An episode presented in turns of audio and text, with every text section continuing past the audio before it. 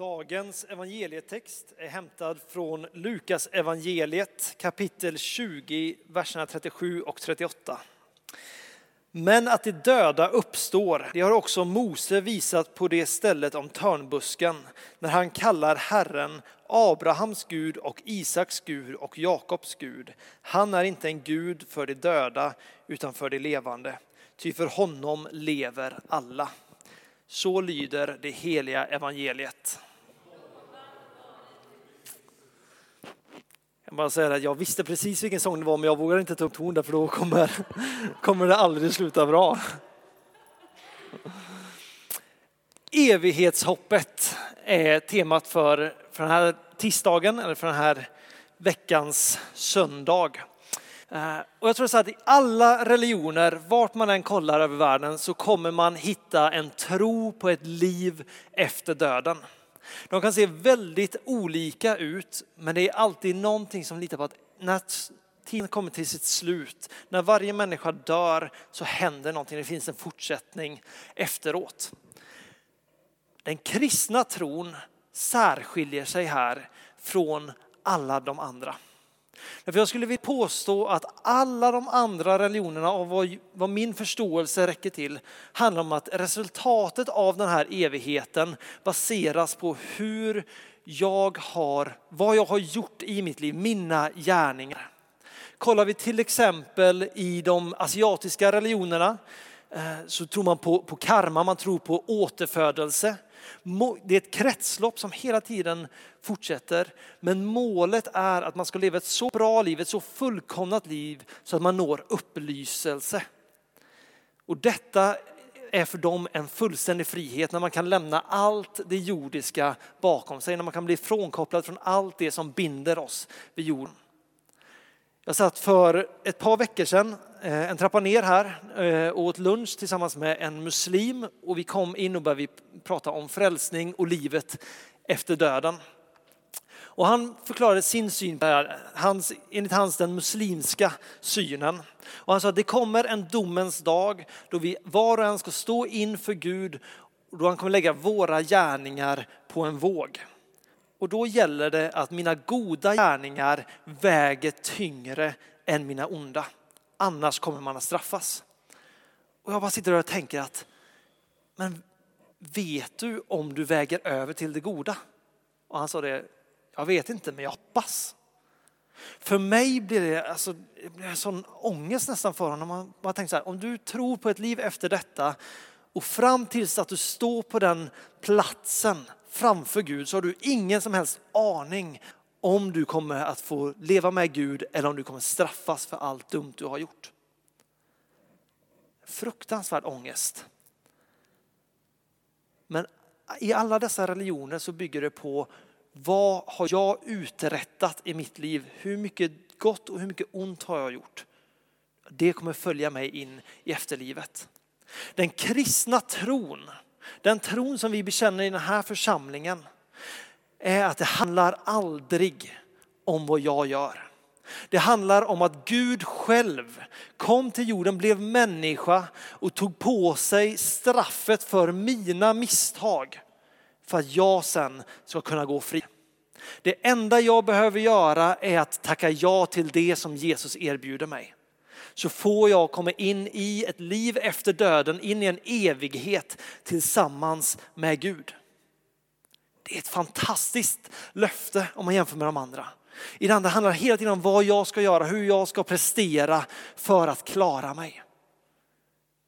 Den kristna tron säger att det är färdigt. Jesus säger, det sista Jesus säger på korset är att det är fullbordat.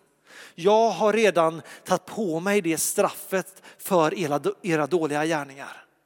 Kom till mig och jag ska ge er liv och liv i överflöd. Liv in i en evighet.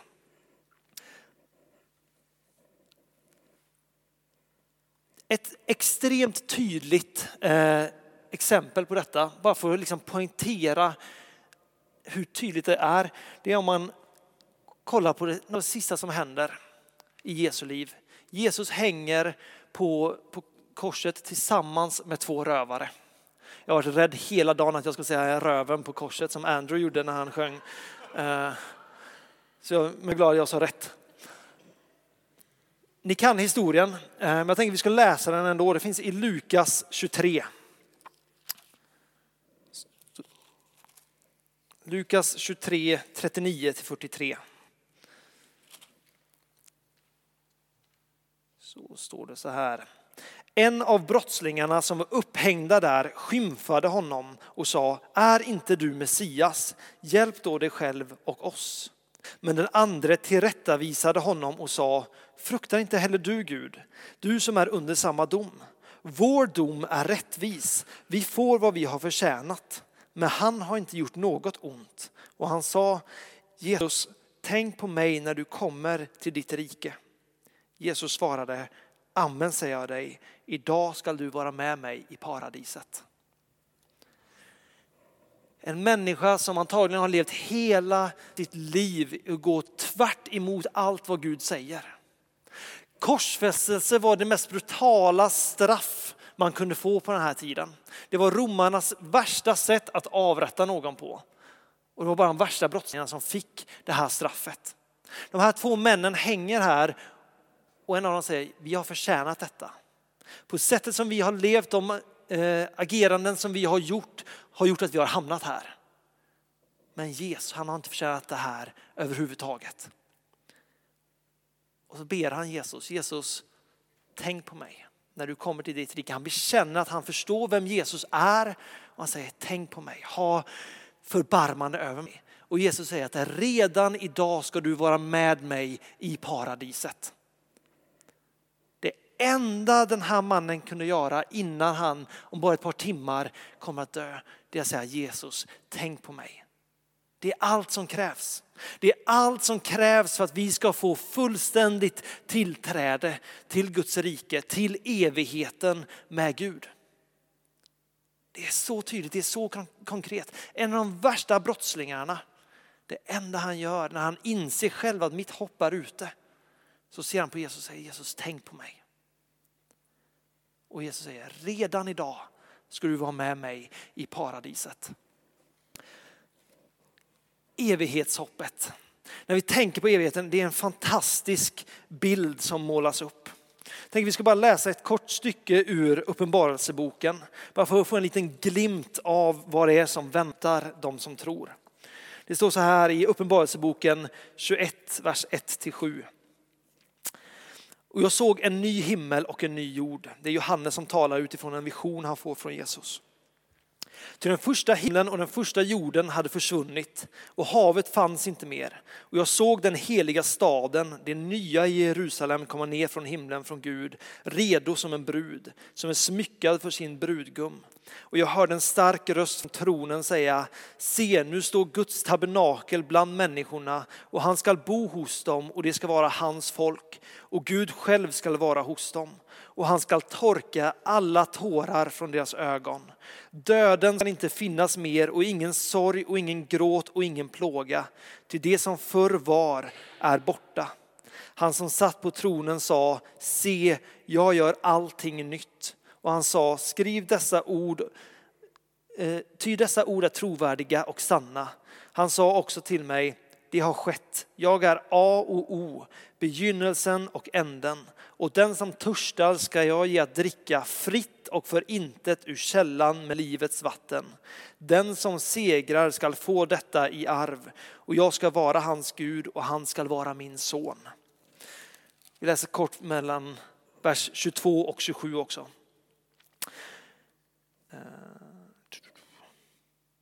Något tempel såg jag inte i staden, ty Herren Gud den allsmäktige och lammet är dess tempel.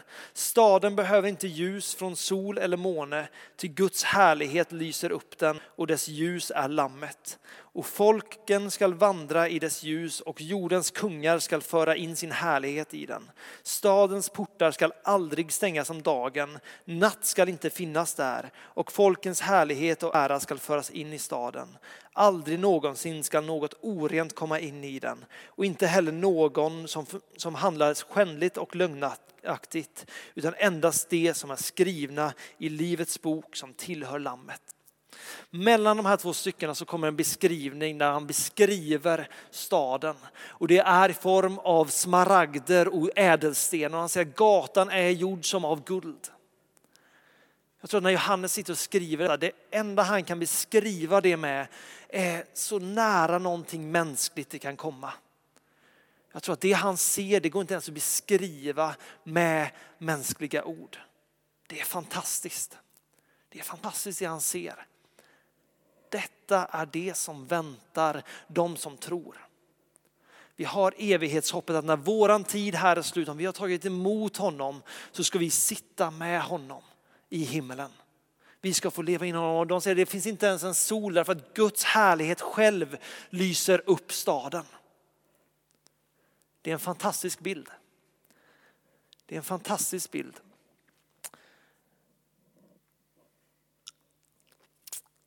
Men det blir så lätt för oss.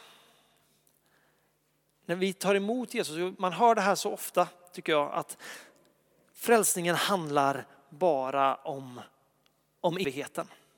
Vi tar emot Jesus och sen handlar det om att sitta och nästan rulla tummarna och vänta på att vi ska få komma hem till honom. Men det är inte det Jesus predikar. Jesus pratar om eviga riket, men han pratar om det som om det redan är här, redan nu. För det Jesus predikar, det som är Jesus budskap, det är att mitt rike är redan här. Inte i sin hela fulländning.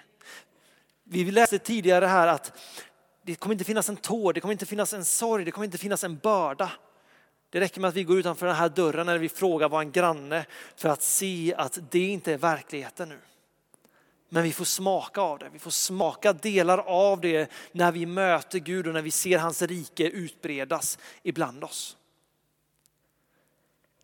Men precis som min muslimske vän som talar om domens dag så kommer det också komma en domens dag för oss.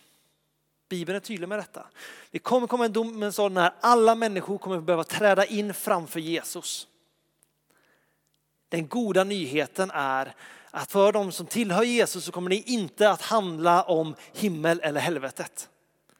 Det enda vi behöver göra för att få full tillträde till Guds rike i evigheten, det är att bekänna Jesus som Herre i våra liv. Romarbrevet 8, vers 1 säger att det finns ingen fördömelse för de som är i Kristus. Det innebär att även om jag gör skit i mitt liv efter att jag bekänt Jesus så finns det förlåtelse därför det finns, det är inte en fråga om himmel och helvete. Den dörren är redan öppnad för oss. Men vi kommer fortfarande att dömas utifrån vad vi har gjort under den här tiden. Och den domen kommer att vara resultatet för evigheten framför oss. Det finns en liknelse i Bibeln från ska vi se här, Matteus 25, verserna 14 till 29. handlar om den goda förvaltaren. Och detta kommer i ett sammanhang när Jesus talar om, om Guds rike. Så säger han så här.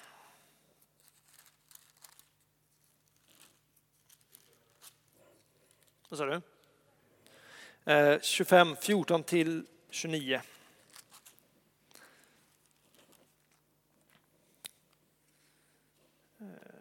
Är jag helt fel. Det kommer att bli som när en man skall resa utomlands.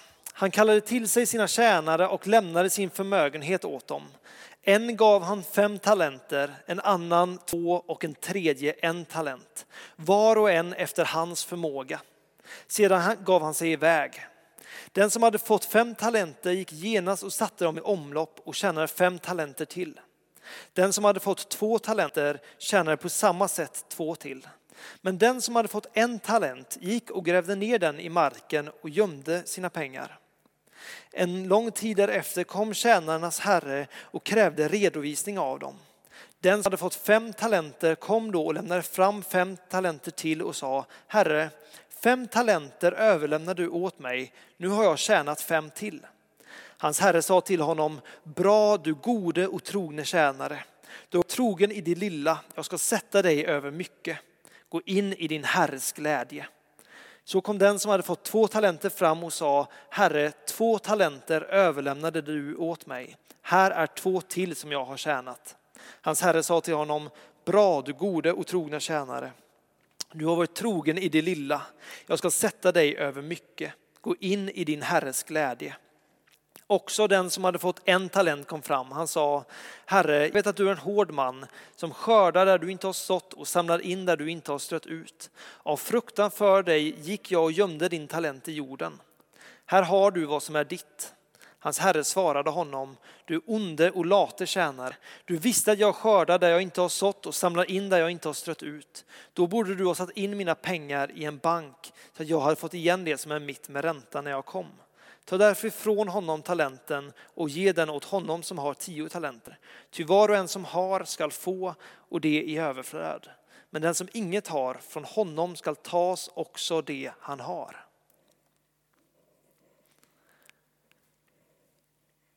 Jag tror att Jesus här skriver sig själv. Han lämnar någonting till sina efterföljare och säger jag kommer komma tillbaks. Gör någonting med detta. Sen åkte han bort och det har gått, det har gått 2000 år. Vi väntar fortfarande på att Jesus ska komma tillbaks. Men vi vet det som det står i Guds ord. Jesus kommer komma tillbaks och då kommer han kräva redovisning för allt som vi har gjort i våra liv. Hur vi har förvaltat det vi har fått. Och jag tror så här, detta är en egen teori så ni som är eh, teologiskt insatta, ni får pröva detta. Jag tror att en, sak, en princip man kan lära sig från den här texten. Båda de två som faktiskt satte pengarna i spel, de som faktiskt investerade pengarna, de vann och fick någonting tillbaks. Personen som lade åt sidan, han blev av med allting. Jag tror att om vi investerar det vi har fått ifrån Gud så är det i stort sett omöjligt att gå förlorande ur affären. Därför jag tror inte att för Gud handlar det inte om frukt. Jag tror inte det handlar om Gud att vad som kommer ut ur ditt liv. Utan han ser vad du gör med det du har fått. När vi vågar ta en risk därför att vi tror att Gud har kallat oss så kommer Gud att vara där och belöna oss. Bibeln säger att Jesus ser vårt hjärta. Det handlar inte om vi klarar det i det långa loppet, utan det handlar om att det jag har fått från Jesus, jag lyder hans befallningar. Jag tror att det är omöjligt att gå back när vi faktiskt försöker lyda. Vi kan misslyckas på många plan, men jag tror att när vi försöker vara trogna det som Jesus sagt, sagt till oss att göra, så kommer vi alltid komma vinnande ut på andra sidan. Problemet blir när vi är som tjänaren som får gåvan och sen går och lägger det åt sidan och väntar. När man sitter och rullar tummarna och väntar på evigheten. Det den här texten säger, så som jag tolkar den här texten, är det att det vi gör i det här livet faktiskt kommer att spela roll i positionen vi får i Guds rike sen jag och Benjamin såg en film som heter Gladiator för ett par, par dagar sedan, även någon vecka sedan. Och det är ett citat där som, som jag älskar. Jag tror, att det, jag tror det är sant. Maximus säger What we do on this day echoes in eternity. Vad vi gör på den här dagen eller i det här livet, det ger eko in i evigheten. Vi har ett hopp om att vi kommer få leva tillsammans med Jesus. När tiden kommer så kommer inte vi dömas till helvetet utan vi kommer dömas till evigt liv med Gud. Men vad vi gör med det vi har fått, det kommer att spela roll i livet tillsammans med Gud. Jag har med mig ett rep här. Jag ska jag skulle försöka mig på en liten demonstration. Den här vita delen. Repet är en tidslinje. Den vita delen, den tejpade delen, symboliserar vår tid på jorden. Detta är de år som vi har fått av Gud här. Den här punkten, det är antingen att Jesus har kommit tillbaks eller att vi har gått in i evigheten före han har kommit tillbaks. Sen kommer evigheten.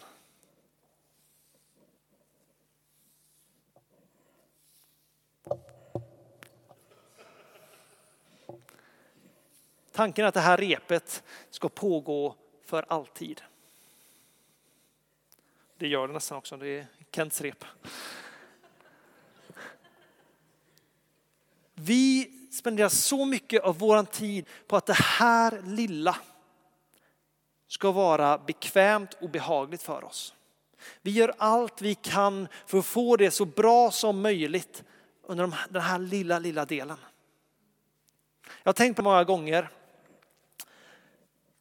Man går i skolan, grundskolan i 12 år. Man kanske tar ett eller två år ledigt, sen går man till universitetet om man nu gör det. Man pluggar ytterligare ett par år. Sen börjar man jobba och man börjar betala av studielån. Och man jobbar och man jobbar och man börjar spara ihop för pensionen. För kanske får man ha tur 15, om man har ännu mer tur 20 år när man är helt fri. Det är drömmen som människorna i vårt samhälle bär på. Jobbar och sliter och kämpar för att få några få år av ledighet, av vila, av allt livets goda. Vi kämpar och sliter för att det här lilla, det vi har här nu, ska bli så behagligt som möjligt. Men vad händer den dagen som vi riktar våran blick mot evigheten? När vi börjar tänka på allt det som kommer sen. Om det vi gör under den här livstiden påverkar hur vi har det i all evighet. Vad händer med vårt fokus under vårt liv? Vad är det som blir värt i våran vardag? Paulus säger att livet är ett lopp och jag har blicken fäst på mållinjen. Mållinjen det är evigheten med Jesus. Därför vi vet precis som vi läste, evigheten med Jesus kommer vara fantastisk. Det kommer vara mer än någonting som vi kunnat föreställa oss. Det här är biten som vi har blivit anförtrodda med. Det här är de tio talenterna som vi har fått. Tänk då om vi lever det. Jag, jag Säg inte nu att detta handlar om att vi ska prestera goda gärningar för att få en fin belöning. Men tänk att kunna leva det här livet här och nu 100% till Guds ära. Tänk då den dagen när vi står framför Jesus, när vi möter Jesus. Tänk bara se honom där och han säger du gode och trogna tjänare, gå in i din Herres glädje. Det är målet. Målet är en evighetslång relation med sonen och med fadern och med den helige ande. Det är målet. Det är vad vi tror, det är vårt evighetshopp. Jag tror att vi måste börja leva vårt liv som att det är dit vi är på väg. Helt plötsligt, våra lidanden, alla människor går igenom lidande, vissa går igenom värre. När vi ser på dem, lidelserna jämfört med belöningen som väntar oss när vi håller oss i Jesus. Det går inte att jämföra. Jag hörde en predikan av en pastor i USA som heter Bill Johnson. Och han berättade om när hans pappa hade gått bort. Och de står där vid hans pappa som precis har, precis har kallnat. Och Bill säger det till sin familj att nu prisar vi Gud. Därför han hade insett att detta, den här tiden som vi har nu är enda gången i evigheten som vi kommer kunna prisa Gud när livet är hårt. Det är enda gången vi kommer kunna ge Gud ära trots att våra omständigheter är pest och pina. I evigheten det kommer inte finnas någon sorg, det kommer inte finnas några tårar, det kommer inte finnas någon, någon smärta. Vi har en tidsperiod här nu tillsammans när vi kan gå igenom svårigheter, när vi kan gå igenom lidande och sorg. Men om vi ändå kan fokusera på vem Gud är. Tänk då när vi får möta honom i evighet och veta att jag har följt honom genom allt. Jag har följt honom när det har varit svårt därför jag vet att det är värt det. Det är så mycket mer värt än att kom, stå där framför Jesus och tänka att om jag tog emot Jesus när jag var 20 och sen har jag levt mitt liv som om han inte har funnits. Evigheten har redan börjat. Det är vad vi tror som kristna. När vi tar emot honom så har döden förlorat sin udd. Det finns ingenting som döden längre kan göra oss därför den regerar inte i våra liv. Därför att Jesus är kung.